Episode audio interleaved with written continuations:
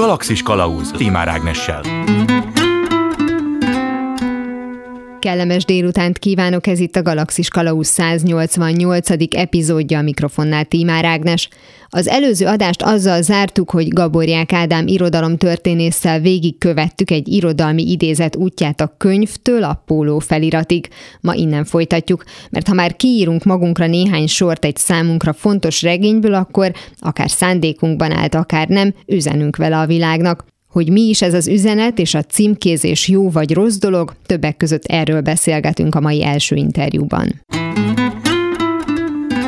Első megálló A vonalban Rézanna erkölcs filozófus van velem, szia! Szia! Szeretünk különböző idézeteket, képeket, ami számunkra kedves, a pólónkra nyomtatni, meg tetoválást készíteni belőle, hogy miért van szerinted ez az érzés bennünk, hogy az, ami tulajdonképpen egyfajta belső tulajdonságnak tekinthető, azt mi kifelé is ilyen módon közvetíteni akarjuk a világ felé. Van ennek bármilyen üzenetértéke, vagy csak ami a szívemnek kedves, azt úgy gondolom, hogy még jobban ki akarom hangsúlyozni. Nyilván ilyenkor valami valami olyasmi történik, hogy vannak bizonyos dolgok, amiket nem egyszerűen szeretünk, vagy, vagy kötődünk hozzájuk, tehát hogy a, lehet, hogy ilyenkor nyáron imádjuk a sajtos tejfölös lángos, de ez valamiért nem válik a részévé az identitásunknak a legkülönbözőbb dolgoknál fogva.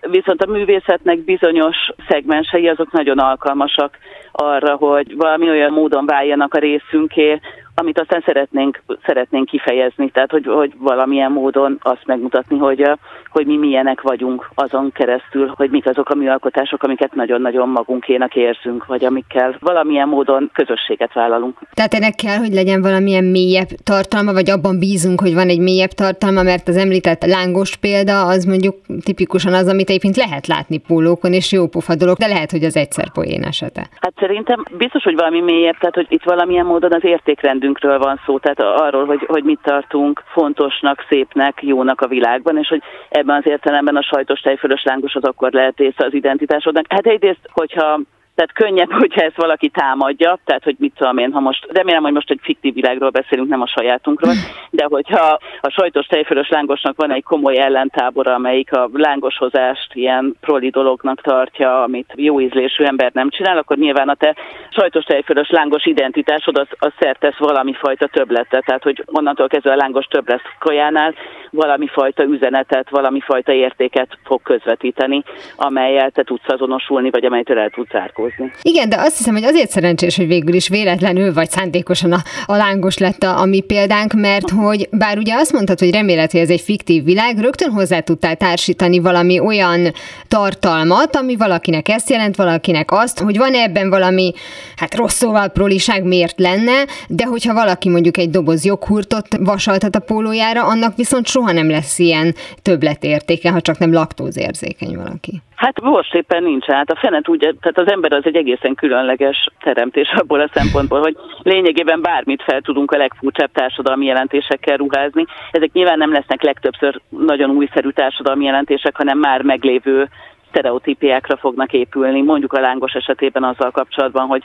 hogy hogyan nyaral egy, egy kispolgár vagy egy munkásosztálybeli, bár ezt a szót már tényleg egyáltalán nem, nem használjuk, tehát hogy, hogy általában meglévő törésvonalak terjeszkednek ki a legváratlanabb módokon, zenékre, könyvekre, írókra, vagy akár ételekre. És hogyha már itt tartunk, a lángos annyiba kerül, hogy a legkevésbé sem kispolgári ételnek tekinthető lassan, úgyhogy tulajdonképpen valószínűleg most már ez is meg fog dőlni, de akkor ebben mindenképpen benne benne van, ahogy te is mondtad, hogy egy ilyen fura, fura lény az ember, hogy bármiből képes akár mondjuk identitást is faragni, sőt van is egy ilyen vágy benne, hogy az őt körülvevő dolgokat olyan módon hasznosítsa, hogy az a személyisége része legyen, és ha kell, azt mutassa is valamilyen módon. Igen, hát itt ugye két dolog találkozik, amik valójában nagyon-nagyon eltérőek. Az egyik az a saját vágyunk arra, hogy valamilyen módon kifejezzük magunkat, és már ez eleve szerintem egy nagyon ambivalens helyzet, mert hogy egyfelől nagyon egyedinek szeretnénk mutatkozni, tehát hogy minél pontosabban szeretnénk reprezentálni azt a, azt a sajátos mixét a, az értékeknek és különböző jóságoknak, amik mi vagyunk, vagy legalábbis amilyenek látszani szeretnénk a, a környezetünk szemében, de mindeközben egyébként azt is szeretnénk, hogy ezzel valami fajta közösséghez is csatlakozzunk, tehát hogy, hogy legyenek olyanok, akik ezt képesek értékelni, hogy mi ilyen, ilyen fenemód nagyszerűek vagyunk, mint hogy ezt kommunikáljuk a külvilág számára. Tehát ez, ez az egyik része, és akkor ezt találkozik foglalkozik, az embernek a minden bizonyal kipusztíthatatlan vágyával arra, hogy sztereotipizáljon, tehát hogy valamilyen módon kategóriákat hozzon létre a világban, amelybe aztán másokat fog belerakni. És ugye az igazán komoly feszültség az, az a között áll, hogy, hogy egyfelől mi szeretnénk a lehető legnagyobb szabadsággal meghatározni azt, hogy milyennek látszunk, és hogy másfelől viszont élénken élnek körülöttünk olyasfajta előítéletek, amelyek ebben gátolnak bennünket, hiszen olyan dolgok miatt, amikről javarészt nem tehetünk, a bőrünk színe, vagy a nemünk, vagy a testalkatunk alapján, vagy akár a korunk alapján, mindenféle olyan jelentéseket társítanak hozzánk, amelyeket elképzelhető, hogy mi egyáltalán nem szeretnénk elfogadni. Hogy itt szerintem nagyon-nagyon erősen szét kell választani azokat a fajta identitás címkéket, amiket kapunk, a társadalomtól, és amikkel, amiknek nem ritkán nem örülünk, és amik társadalmi szinten meg kifejezetten károsak, meg elnyomóak lehetnek, és a másik oldalról pedig azokat a típusú azonosulásainkat, meg identitásképző elemeket, amelyeket magunknak választunk azért, mert, mert igenis ilyenek szeretnénk lenni, és ilyenek szeretnénk tűnni. Igen, ez is egy érdekes kérdés, hogy ilyenek szeretnénk lenni, vagy valóban ilyenek vagyunk, hogy amikor a, a pólómra vasaltatok egy számomra fontos könyvidézetet, annak van ugye egy üzenetértéke, és a kérdés az, hogy elsősorban kifelé, hogy lássátok, hogy én ilyen vagyok, vagy ilyenni akarok válni, de az a jó, ha azt gondoljátok, hogy én már ilyen vagyok. Aki olvassa ezt a könyvet, aki tudja, hogy mi ez az idézet, vagy valamennyi, hát mi terápiás része is van, és ez magamnak is szól egy kicsit, hogy ahogy az ember eldönti, hogy egy nap mondjuk milyen ruhába öltözik, és mondjuk akár ez hangulatfüggő is lehet, akkor annak is van egy ilyen a személyiségünkre, a hangulatunkra ható része, hogy igenis, én most ezt kiírom magamra. Abszolút, hát és hogy is mondjam, még ennél is több rétűbb a dolog, mert hogy van az, amilyen ténylegesen vagyok, talán jó esetben van egy belső ideálunk azzal kapcsolatban, hogy milyenek szeretnénk lenni, tehát hogy milyen a mi ideális énünk, és aztán van az, amit ilyen-olyan okokból mutatni szeretnénk, azért mert azt gondoljuk, hogy, hogy ez a fajta látszat, vagy ez a fajta önkép, ez, ez sikert fog hozni számunkra a közösségünk szemében, és ez a három a legkülönbözőbb módokon elválhat. Most azon nevettem, hogy tegnap már elindultam a, a pályaudvarra, amikor rájöttem, hogy nem hoztam magammal könyvet erre a nyaralásra, oh. és ott az utolsó pillanatban, tudod, az egyik ilyen budapesti ilyen könyves kocsinál, ahol használt könyveket árulnak, megálltam, mert rendes könyves volt, mert nem volt a közelben, és elkezdtem válogatni, és nagyon-nagyon vicces volt, mert egyszerre gondolkoztam azon, hogy mi az, amit itt szívesen olvasnék a strandon, és egyszerre azon, hogy akarom-e, hogy én az az ember legyek, aki ezt a könyvet olvassa a strandon, és mások látják, hogy ezt a könyvet olvassa a strandon, és teljes kiegyensúlyozottsággal futott ez a két program, vagy, vagy két gondolat bennem, miközben válogattam, és azt hiszem, hogy ez tényleg nagyon-nagyon sokszor így van, tehát hogy felnőttként úgy éljük az életünket, hogy egyszerre van egy elképzelésünk arról, hogy mit szeretnénk, megint csak jó esetben, és hogy van egy elképzelésünk arról, hogy milyennek fogunk tűnni, hogyha ezt vagy azt választjuk. Nem mehetek el szó nélkül amellett, hogy áruld el kérlek, hogy melyik győzött kifutottam az időből, és egy teljesen alkalmatlan döntés. Hát nem nyilván egy kompromisszumra szerettem volna jutni ebben a történetben, és végül meghoztam egy kompromisszumot, de teljesen használhatatlan lett. Meg az embernél, hogyha van újságpapír, akkor bármilyen könyvet olvashat, bele tudja csomagolni, és senki nem gondolkozik azon, hogy mit olvas. Hát csak azon, hogy becsomagoltad újságpapírban, ja! vannak nincsen többlet jelentése. igaz, igaz, nyertél. Ugye arról már volt szó, hogy az, hogy mi címkézzük-e magunkat, vagy a minket körülvevő világ, talán az az, ami között a legnagyobb határvonal húzódik. És mondtad is, hogy ez minket nagyon zavar, amikor ugye ennek negatív tartalma valamiért ugye az ember hajlamos rá, hogy negatív címkéket aggasson, sokkal nagyobb esélye, vagy lehet, hogy én látom ezt így. Tehát lehet, hogy ezért is félünk a címkézéstől, vagy lehet ennek valami történelmi háttere, tehát hogy miért is gond az, hogyha nem feltétlenül negatív tartalmú címkéről van szó, hogyha mások valamilyen módon elhelyeznek minket egy polcon. Itt szerintem két problémáról van szó, ugye tényleg nem véletlen, hogy legtöbbször a negatív sztereotípiákról szoktunk beszélni, tehát hogy nyilvánvalóan vannak, nem tudom, olyan nemzetiségek, akikhez pozitív értékeket csatolunk, de még az elnyomott kisebbségek esetében is vannak pozitív jellegű sztereotípiák, tehát a nőkről is egy csomó jó dolgot gondolnak. Tehát a szexista sztereotípiák egy jó része pozitív sztereotípia azzal kapcsolatban, például hogy a nők mennyire gondoskodóak és gyengédek és feláldozóak, stb. stb. És akkor valóban az a nehéz kérdés, hogy de hát mi ezzel a baj, ha ennyi szépet és jót gondolunk a nőkről például, de tényleg bármelyik másik csoportot vehetnénk. És szerintem két probléma van. Az egyik az az, az sodalmi szintű, tudnélik az, hogy, hogy ezek az előítéletek aztán összeállnak egy, egy nagyon kiterjedt normarendszerré, ami meghatározza azoknak az egyéneknek az élet lehetőségeit, akiket ilyen módon címkézünk, és általában rontja az ő élet lehetőségeiket, csorbítja a szabadságukat, csorbítja a jólétüket. Individuális szinten meg szerintem egy picit más dologról van szó, tudnélik, hát arról a frusztrációról, de szerintem ezt mindannyian ismerjük, amikor egyszer csak azt érzed, hogy nem engem látnak. Tehát, hogy, hogy abban van valami nagyon feszítő, tehát, hogy személyesen fogalmazok, szóval, hogy benne mindig van valami fajta kis szorongás vagy elégedetlenség, amikor arra gondolok, hogy engem jelen pillanatban egy középkorú kétgyerekes anyának látnak, mert ez annyi mindent hoz magával, amit én nem érzek magaménak, vagy ami ellen szívem szerint talán inkább lázadnék, és hogy hát valójában az a nagyon mély frusztráció fejeződik ki benne, hogy a másik nem engem lát, hanem egy csoport tagjának lát, akikvel kapcsolatban már, már előzetesen vannak prekoncepciói, és hogy én ezzel kapcsolatban teljesen tehetetlen vagyok, tehát az, hogy a másik milyennek lát, és milyen tulajdonságokat asszociál hozzám, és ennek következtében milyen viselkedést vár el tőlem, az nem, nem rajtam múlik. És azt hiszem, hogy minden korábbi kornál erősebb most bennünk a vágy. Hát igazából erről beszélgettünk a beszélgetés első felében, hogy mi magunk tudjuk meghatározni azt, hogy kik vagyunk, és hogy mások a lehető legpontosabban vegyék figyelembe azt, hogy mi, mi pont azok vagyunk, amit kommunikálni szeretnénk magunkról, de hát a valóság az, hogy nem ez történik, hanem a, a súlyunk, a korunk, a nemünk, az élethelyzetünk alapján embereknek feltételezései lesznek rólunk, nagyon sokszor téves feltételezéseik, de talán még csak nem is az a probléma, hogy ezek a feltételezések nem igazak, hanem hogy nem nekünk szólnak, hogy egyszerűen elveszítjük azt a hitünket, hogy az egyéni cselekedeteinken, meg saját magunkon múlik az, hogy milyen hatást keltünk a világban, hanem azzal kell szembesülnünk, hogy hozzánk tapasztanak címkéket, ha akarjuk, ha nem. Említetted, hogy ennek mindig van egy olyan része, hogy az ember próbálja a saját magát kiemelni a közösségből azáltal, hogy valami jellegzetességet képvisel, de közben meg valamilyen módon mégiscsak a, a közösség részévé akar válni, tehát ez akkor nagyon meghatározza azt, hogy én milyen film vagy könyvrészletet választok a, a pólomra, ha már ennél a példánál maradtunk, mert akkor üzenni akarok nem egy konkrét közösségnek, hanem mondjuk azon belül egy kisebb közösségnek. Tehát most tulajdonképpen én kiválni akarok, vagy másokkal valami újabb közösséget alakítani ezekkel az üzenetekkel? Hát nyilvánvalóan a kettő együtt, mint ahogy egy gyerek felveszi a trónok harcás pólóját a saját gimnáziumi osztályában, mondjuk, ahol ezt senki nem nézi és senki nem ismeri, ez mondjuk nagyon valószínűtlenül hangzik, de tegyük fel, akkor nyilván ő ott azt jelzi vele, hogy ő része valami olyasfajta szubkultúrának, amiről a többiek nem tudnak az ég adta egy világon semmit. És hogy ennyiben a kívülállását jelzi, és azt jelzi, hogy valami olyan tudásnak a birtokosa, amivel a többiek nem rendelkeznek.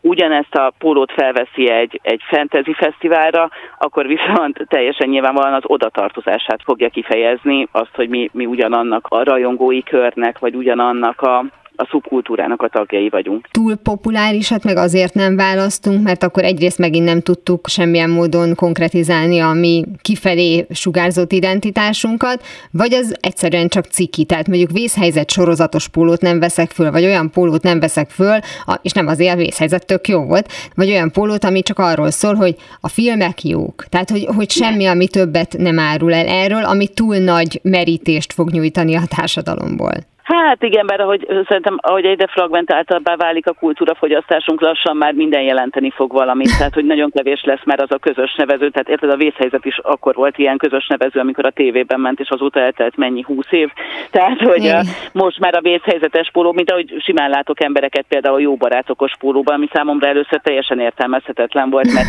én azt is, tehát hogy túl populárisnak vagy, tehát érted, minek, minek hordasz egy olyan sorozatos pólót, amit valójában mindenki szeret. Tehát hogy, tehát abszolút értem azt, amit mondasz. Közben valószínűleg ennek az egésznek lett egy ilyen retro hangulata, meg amikor hirtelen valami pólóra kerül, akkor érdemes megnézni, hogy mi az a, a tágabb jelentésmező, aminek a részévé vált, mert akkor valószínűleg arról van szó, hogy ennek a dolognak most már van valami olyasfajta többlettartalma, ami korábban nem volt, vagy amit nem vettünk észre. De egyébként maga az, hogy valami populáris és sokan szeretik, az miért szitok szó szerinted?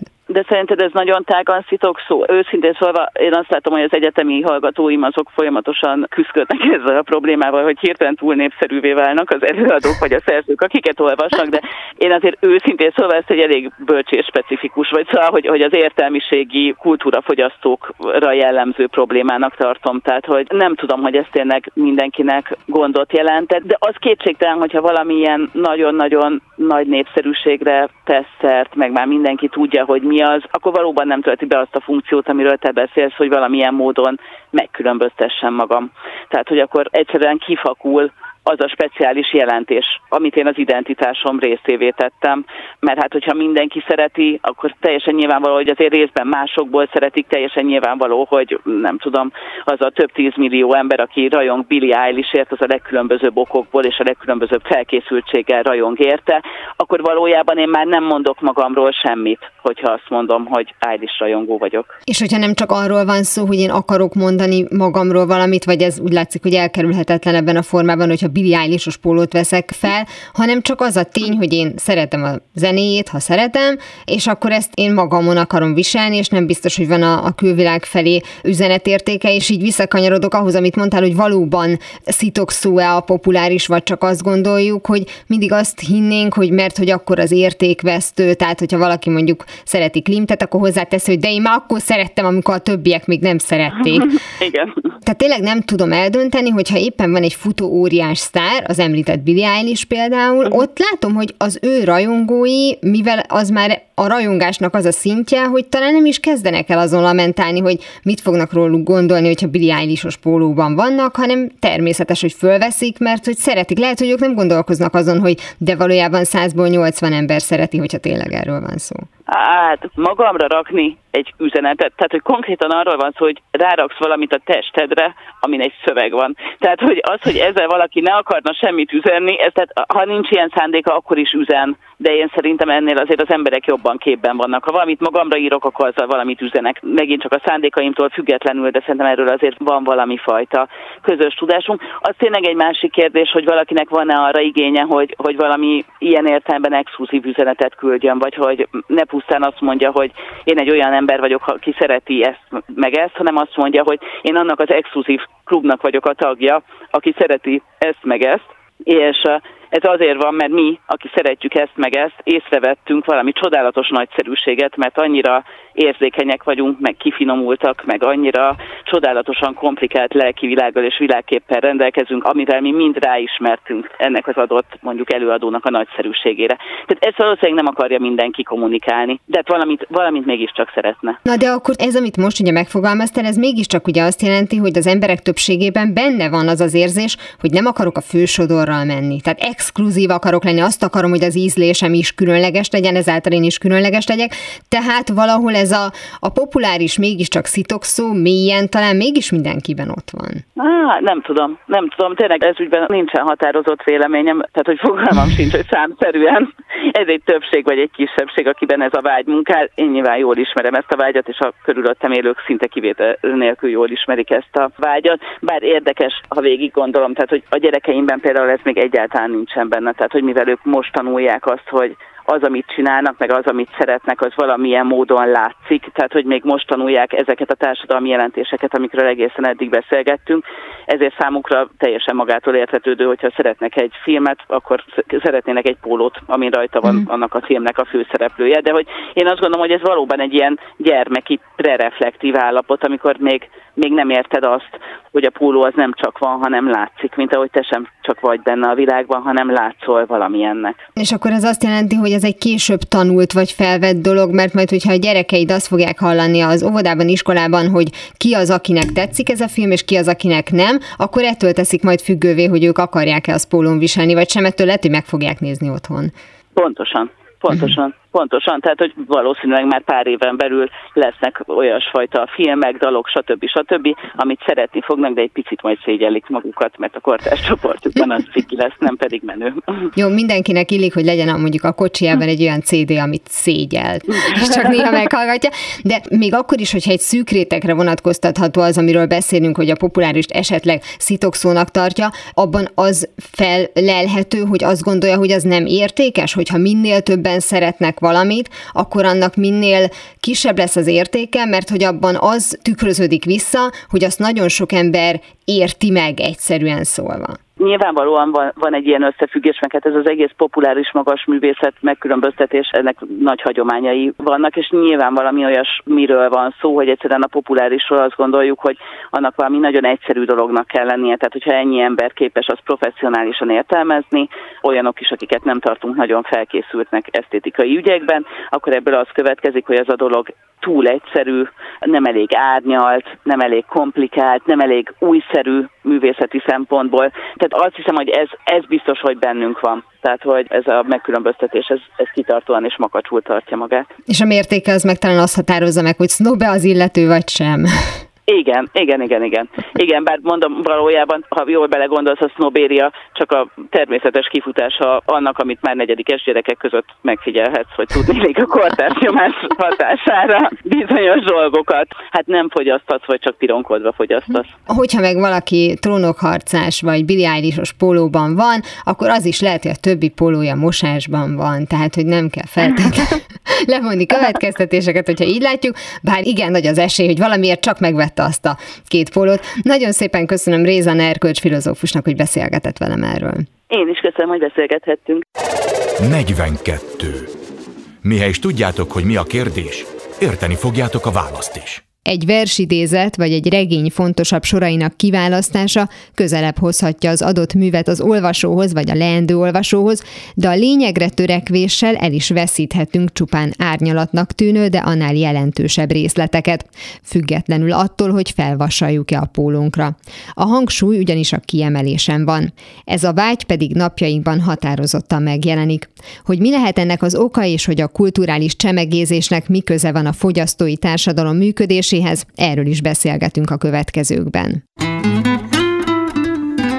Második megálló a vonalban Forgács Attila, szociálpszichológus, klinikai szakpszichológus, a Corvinus Egyetem docense van velem. Jó napot kívánok! Üdvözlöm a kihallgatókat, üdvözlöm a kis Várnás. Ha kiválasztunk egy részletet mondjuk egy műből, akkor mi önként lemondunk az egészről, ami tulajdonképpen az, hogy én a kakaós csiga közepét szeretném, tehát nekem nem kell a sallang, nem kell a többi rész, engem csak a lényeg érdekel, és hogyha valóban így van, akkor ennek mi lehet az oka? Hát szlogen az mindig is volt, talán az utóbbi időben a szlogeneknek a jelentősége megnőtt, ugyanis időnk nem nagyon van. Az okosságokra, bölcsességekre persze van igényünk, csak a megszerzésére, meg a körbejárására, elolvasására, megemésztésére arra nincsen időnk, tehát hogy ezek a szlogenek úgy tűnik, hogy azért eh, kellenek, pótolnak valamit mondjuk egy ilyen megérleltebb feldolgozást egész biztosan. De itt valóban arról, vagy csak arról van szó, hogy nincs időnk, és gyorsan hozzá akarunk jutni a, a megoldáshoz, a, a lényeghez,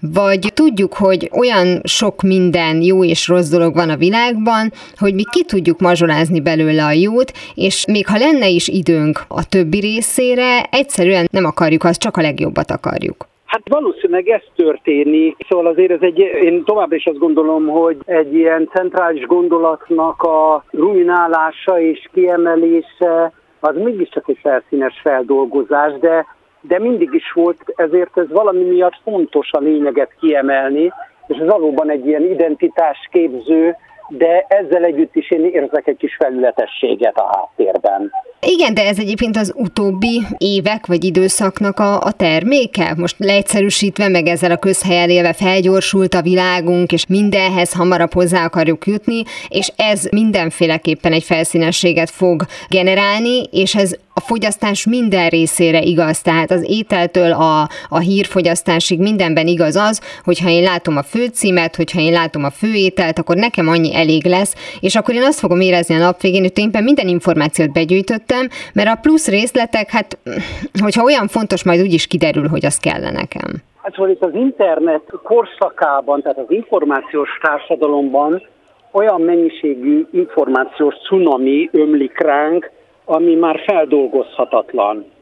Tehát, hogy, hogy eleve, eleve nincsen mentális kapacitásunk, lehetőségünk, e, és talán igényünk se, hogy, hogy minden ilyen információt feldolgozzunk, ezért van az, hogy talán a tranzásított változat az, ami még feldolgozható, és, és azt gondolom, hogy ez, ez, ez egyértelműen az utóbbi időnek, az információs társadalomnak a következménye.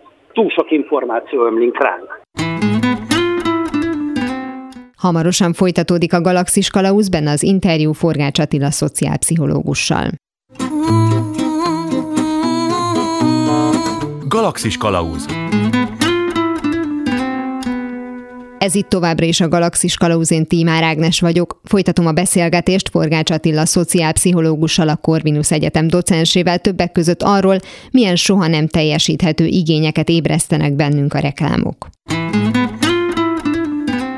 Tehát az, amiről eddig beszéltünk, hogy akkor felszínes lesz a mi fogyasztásunk, annak megvannak az előnyei, hátrányai, de lehet, hogy mégis ez a jobb megoldás, mint hogyha tisztában vagyunk azzal, hogy rengeteg dolog közül választhatunk, és az időnk nagy része azzal megy el, hogy választunk, hogy válogatunk, mert azt gondoljuk, hogy mindig jöhet még egy jobb. Ez a kora állapot, és ezt így nyugodtan amplifikálhatjuk, messze menőleg, ugyanis hát a fogyasztói társadalomnak a fenntartó ereje az mégiscsak a növekedés, a fogyasztás, a pazarló, az értelmetlen fogyasztás, a fő szlogenje itt az utóbbi 70 évnek, tehát a második világháborút követő időszaknak, hogy egyed-vegyet fogyaszt, dobd el. Mindig van egy jobb.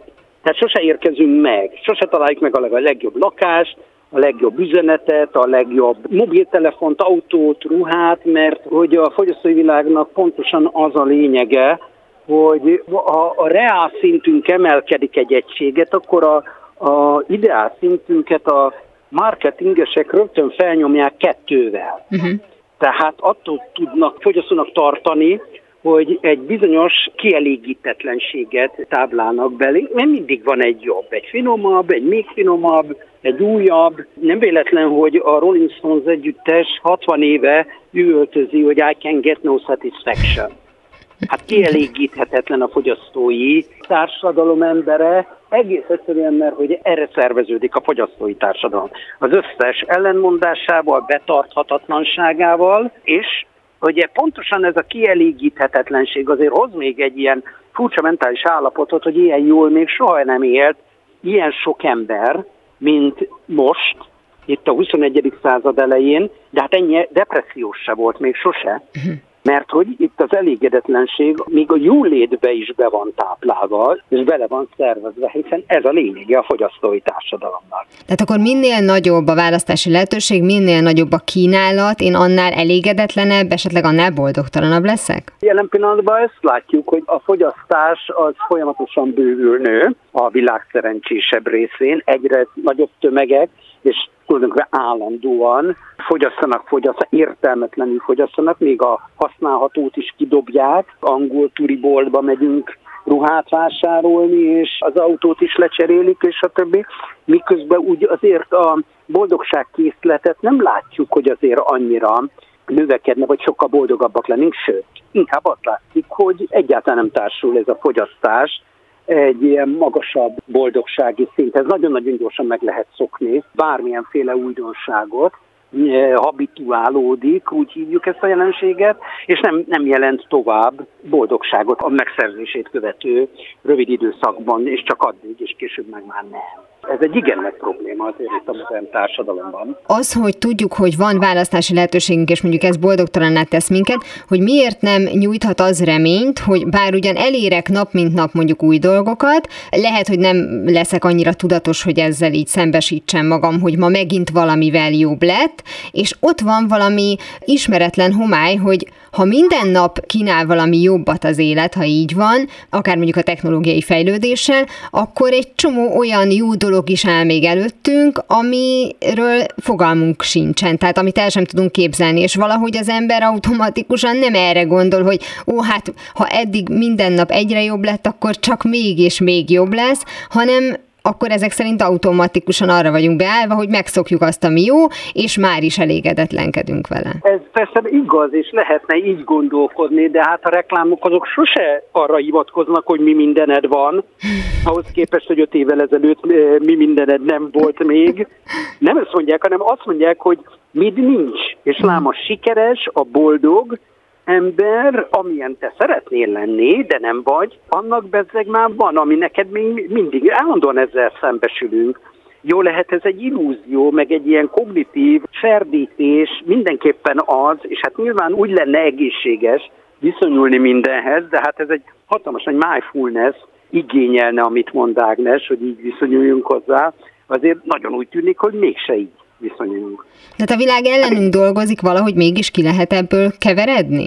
Hát ugye ellenünk dolgozik-e vagy sem, hát a fogyasztói világ az így épül fel, és nyilván azért a fogyasztói társadalomnak lehet látni a végét, mert hogy látjuk, hogy ez, ez az állandó töretlen növekedés, ez azért fenntarthatatlan, mert nincsen még másfél, meg két földünk, hogy ezt az életszínvonalat azért tartósan élni tudjuk. Tehát nyilván ennek vége van, és alternatív megoldásokat kell találni, mint ahogy a civilizáció, hát azért a viszonyulási módokon mindig változtatott, és azért látjuk a lehetséges világképeken és életmódoknak a folyamatos átalakulását. Most egy ilyen hedonisztikus világot élünk, legalábbis ami a fogyasztást illeti.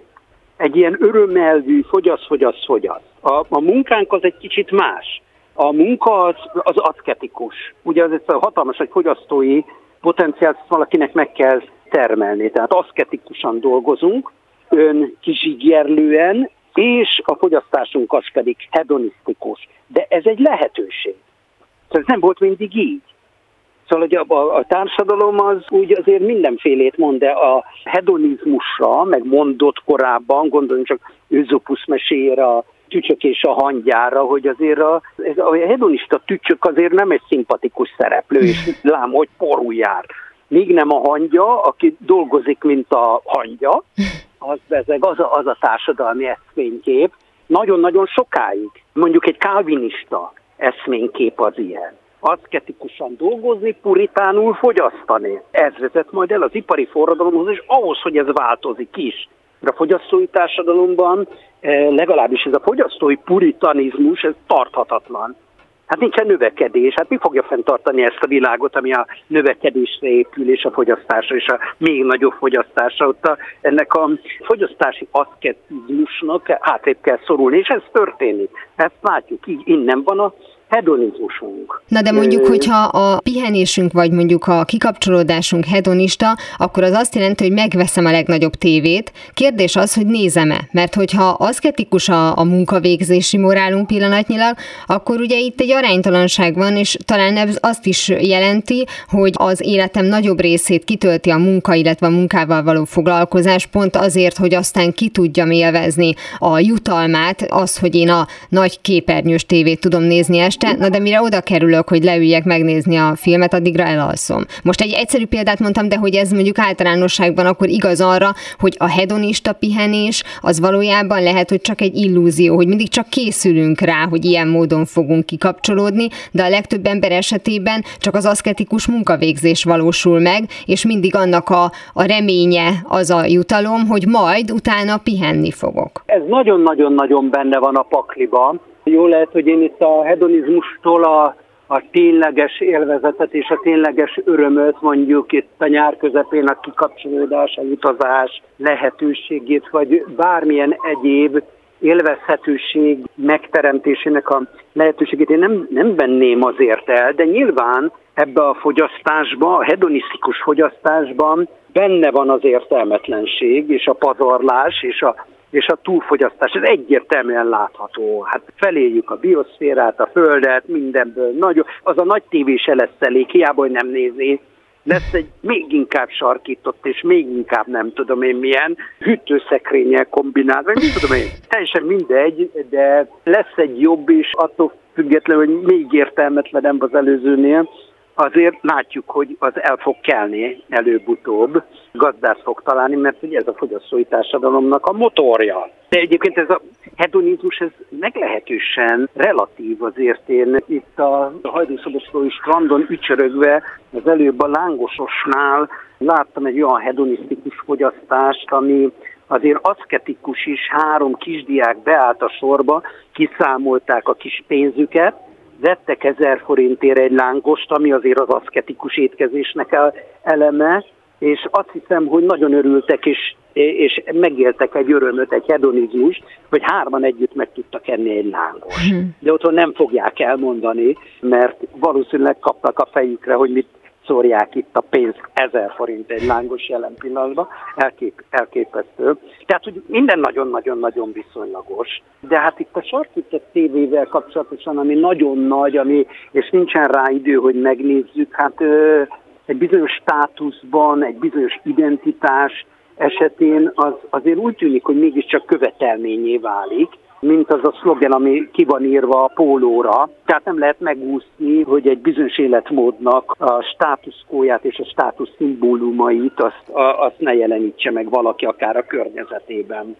Azért ez belénk van, belénk van iktatva, meg belénk kívódik. Ha észrevettük, ha nem, ha tudatosodott, ha nem, azért az emberek azt gondolják, hogy rájuk a reklám nem hat, de hogy nem hat, megveszik a tévét, amit nem tudnak nézni. Ez nagyon érdekes egyébként, hogy mintha összebeszéltünk volna az előző interjúban, Rézanna pont a lángost hozta föl példának, hogy az ember, hogyha mondjuk egy lángos képét vasaltatja a pólójára, azzal nem feltétlenül fog képviselni valamit, de közben meg mégis, mert hogy akár mondjuk régen egy fajta ilyen kispolgári strand élmény kötődött hozzá, de hát ugye vele is, és most önnel is megállapítottuk, hogy ma már ezen az áron ez semmiképpen nem a alsó osztályok, vagy az alsó középosztálynak a kapjunk be egy lángost olcsón esete. Ahogy ön is mondta, ez egy viszonylagos dolog, és ugye itt a kérdés az például az is azért mondtam, hogy érdekes pont például ez a lángos, ahogy ön is mondta, hogy hárman együtt teszik meg, és érzik talán még, hogyha gyerekekről is van szó, hogy nincs ez így rendjén, nem? Tehát, hogy az egy gyerekkoromban csak ehettem egyedül egy palacsintát a strandon, az 18 forint volt akkor, hagyjuk, hogy mikor voltam gyerek. Szóval, hogy, hogy az, hogy hárman kell Nem megenni. Igen. igen, igen, köszönöm. Az, hogy hárman kell, hogy összedobják a pénzt egy lángosra, az már gyerekkorban lehet, hogy fog egy olyan érzetet kelteni bennük, hogy ez egy luxus dolog, hogy esetleg a pihenés az egy luxus, az egy jutalom, hogy bár ugye a jól végzett munka eredménye és jutalma a pihenés, ami egy egészséges hozzáállás, gondolom én, az, hogy mekkora jutalom ez, az talán változik az évek során. Tehát, hogy mennyire vesszük természetesnek azt, hogyha mi például aszketikus módon dolgozunk, akkor igenis járjon nekünk az a hedonista pihenés, hogyha erről van szó, vagy csak úgy egyáltalán a pihenés, vagy pedig szinte úgy érezzük, hogy csak olyan jutalomfalatként kaphatunk, mondjuk lángost vagy pihenést? Hát az az igazság, hogy ez, ezzel kapcsolatosan a álláspont az ugye megoszlik egyrészt ilyen társadalmi szereplők, más, másrészt ilyen társadalmi korok és ideológiák tekintetében. Ha egy kicsit megyünk vissza, akkor ez az aszketikus munka mondjuk egy ilyen 60 eh, évvel ezelőtt ez maga volt a stahanovista uh-huh. aki 200 százalékot, 300, 500 százalékot is teljesít, mert ugye a munkának van értéke abban az időben, és nem a fogyasztásnak. Ettől függetlenül a szocialista fogyasztás is aszketikus. Tehát, hogyha valaki túlfogyasztja a munkáját, tehát a munkája fölött kezd el fogyasztani, az nagyon gyorsan az AVH meg a padlás seprőknek a figyelmét felkelti mert például pocakja van, hát mit rejteget a padláson, és milyen a jegyrendszerem felül, milyen érdemtelen javakat, hedonistja értékeket tud ő tartogatni. Biztos feketézik, kérem szépen. Szóval ez nem volt annyira, annyira nagyon régen is, azért ez a szellem, miközben már van egészen más attitűd is, persze, hogy hogyan kell élni, meg hogyan tisztességes élni, azért az itt él, velünk együtt, ne felejtsük el, hogy azt a honovistát, jelen pillanatban a pszichológia az workaholistának hívja. Uh-huh. Akinek van egy ilyen becsípődése, hogy neki az okoz örömöt, hogyha dolgozhat, hogyha agyon dolgozhatja magát, tehát ilyen perfekcionista módon még haza is viszi a munkát, és nagyon örül, hogy otthon home lehet még dolgozni a helyet, hogy egy kicsit hedonistán hátradőlne, tehát ez belénk van ám plántálva nagyon-nagyon-nagyon szépen. És akkor még egy kicsit korábbra megyünk, akkor azért ez a kálvinista mentalitás. Sokat dolgozni, puritánul fogyasztani. Hát bemegyünk egy református templomba, akkor azért a, a, ezt a puritanizmust, ez rögtön, rögtön, rögtön a puritanizmus visszaköszön e, nekünk, de jó lenne, hogyha ennek a, a puritanizmusnak az összes ideológiai rétege azért nagyon-nagyon világos lenne azoknak, akik ezt a vallást követik például. Azok... Mondom én ezt kálvinistaként. A workaholiknak a jelensége az nem csak mondjuk posztszocialista országokban figyelhető meg. Mennyi ebből az, ami egy ilyen belső késztetés, vagy mondjuk a közvetlen környezetünknek a ráhatása, hogy már a szüleink is azt várták el tőlünk, hogy rendesen elvégezzük a házi feladatot, mert csak utána van tévénézés, és mennyi az, ami tényleg valami történelmi hagyomány, vagy ezek mindig összefüggenek teljesen, mint hogy melyik országban járunk? Én azt gondolom, hogy, hogy, hogy ezek nagyon-nagyon-nagyon összefüggenek. És hogy ezt meddig lehet elvinni? Hát nyilván a társadalmi, gazdasági, civilizációs berendezkedés az, ami a családi kultúrán keresztül mondjuk meghatároz egy ilyen munkakultúrát. Az, hogy egy társadalmi, gazdasági berendezkedés meg milyen, azokat meg meghatározza mondjuk a geometeorológiai viszonyok, a klimatikus viszonyok.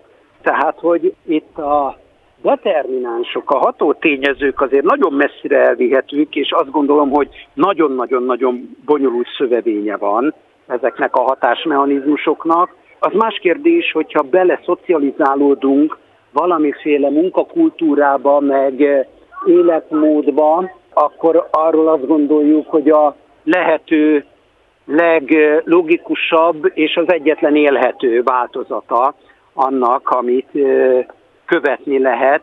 Tehát azt gondolom, hogy, hogy egy ilyen automatizmus alakul ki, és nem nagyon kérdőjelezzük meg, hogy amit csinálunk, legyen az bármilyen hedonizmus, vagy aszketizmus, az indokolt-e.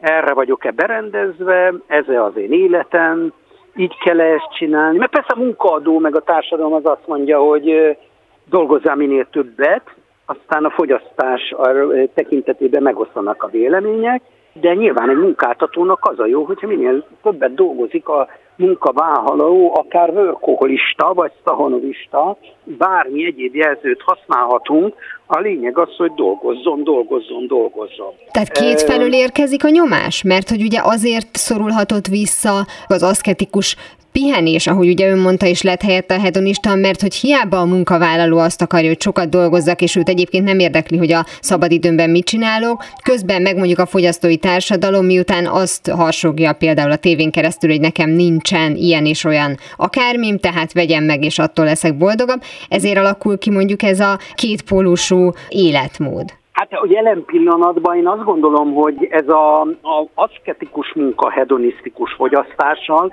ez az az eszménykép és mintázat, ami itt a fogyasztói társadalmat igazából fent tudja tartani, és hát azt is kell mondjam, hogy ennek a hedonizmusnak a eszményképe például a pszichológiában, egyáltalán köztudatban, ez megint csak a fogyasztói társadalma práhozamosan jelent meg, Mondok néhányat, hogy, az, hogy ez a hedonizmus azért nem egy titok szó, az például jelzi azt, hogy itt a fogyasztói társadalomban jelenik meg a Csíkszent Mihály Mihálynak a flow élménye.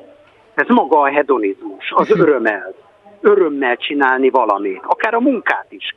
Ugye az nagyon-nagyon sikeres ember, aki a szabad idejében is azt csinálna, ami a munkája, mert neki nem kell sose dolgozni. Mert lehet flow élménnyel csinálni dolgokat, amit nem flow élménnyel csinálunk, mondja Csíkszent Mihály ott elfecséreljük az életünket, és ott, ott, ott, ott valami csodálatosan letértünk a, az életpályánkról. De ugye az öröm, az Csíkszent Mihálynál flót jelent, és egy nagyon fontos emberi élmény. Ugyanis Seje Jánosnál nem csak distressz fogalma van Seje Jánosnak, hanem eustressz. Az eustressz nála ugye azt az örömöt jelenti, ami ami adrenalin fröccsel jár elmenni egy futballmérkőzésre, elutazni valahova, elmenni egy színházba, valami izgalmasat csinálni. Ez az EU stressz, ami nagyon-nagyon-nagyon fontos ágense az életünknek, ugyanis az EU stresszek azok, akik megvédenek a megbetegítő distresszektől, mondja Seje János. Tehát, hogy ez a hedonizmus, az örömelv, ez úgy vált az életrészévé, mint ahogy a korábbi társadalmak, a valláson keresztül ezt a nagy-nagy élvezkedést, meg jólétet, ezt inkább visszafogni gondolták, hát ez egy mohóság, meg maga a sátánnak a kísértése, amikor itt valaki boldognak mer mhm. lenni, ahelyett, hogy dolgozna.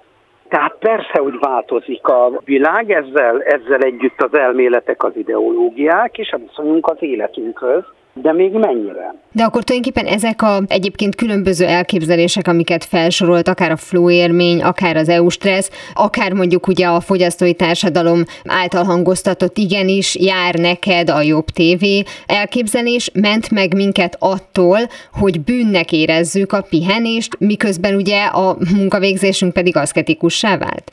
Az a helyzet, hogyha így merül fel a kérdés, nagyon érdekes a kérdés, akkor attól tartok, hogy egy bűntudat, hogy én nem tudom megmenni azt a sarkított tévét, vagy a nagyon nagy tévét, mert bezeg a szomszéd megvette, és még a hülye is zöldebb, ez a fajta bűntudat az önértékelés csökkenésen keresztül, és a státusz csökkenésen keresztül pont elég, éppen elég büntetés, hiába, hogy nem nézzük azt a tévét, mert már arra nincsen időnk meg erőnk, de hogy ez a státusz és önértékelés, ez maga a büntetés, a bűntudat.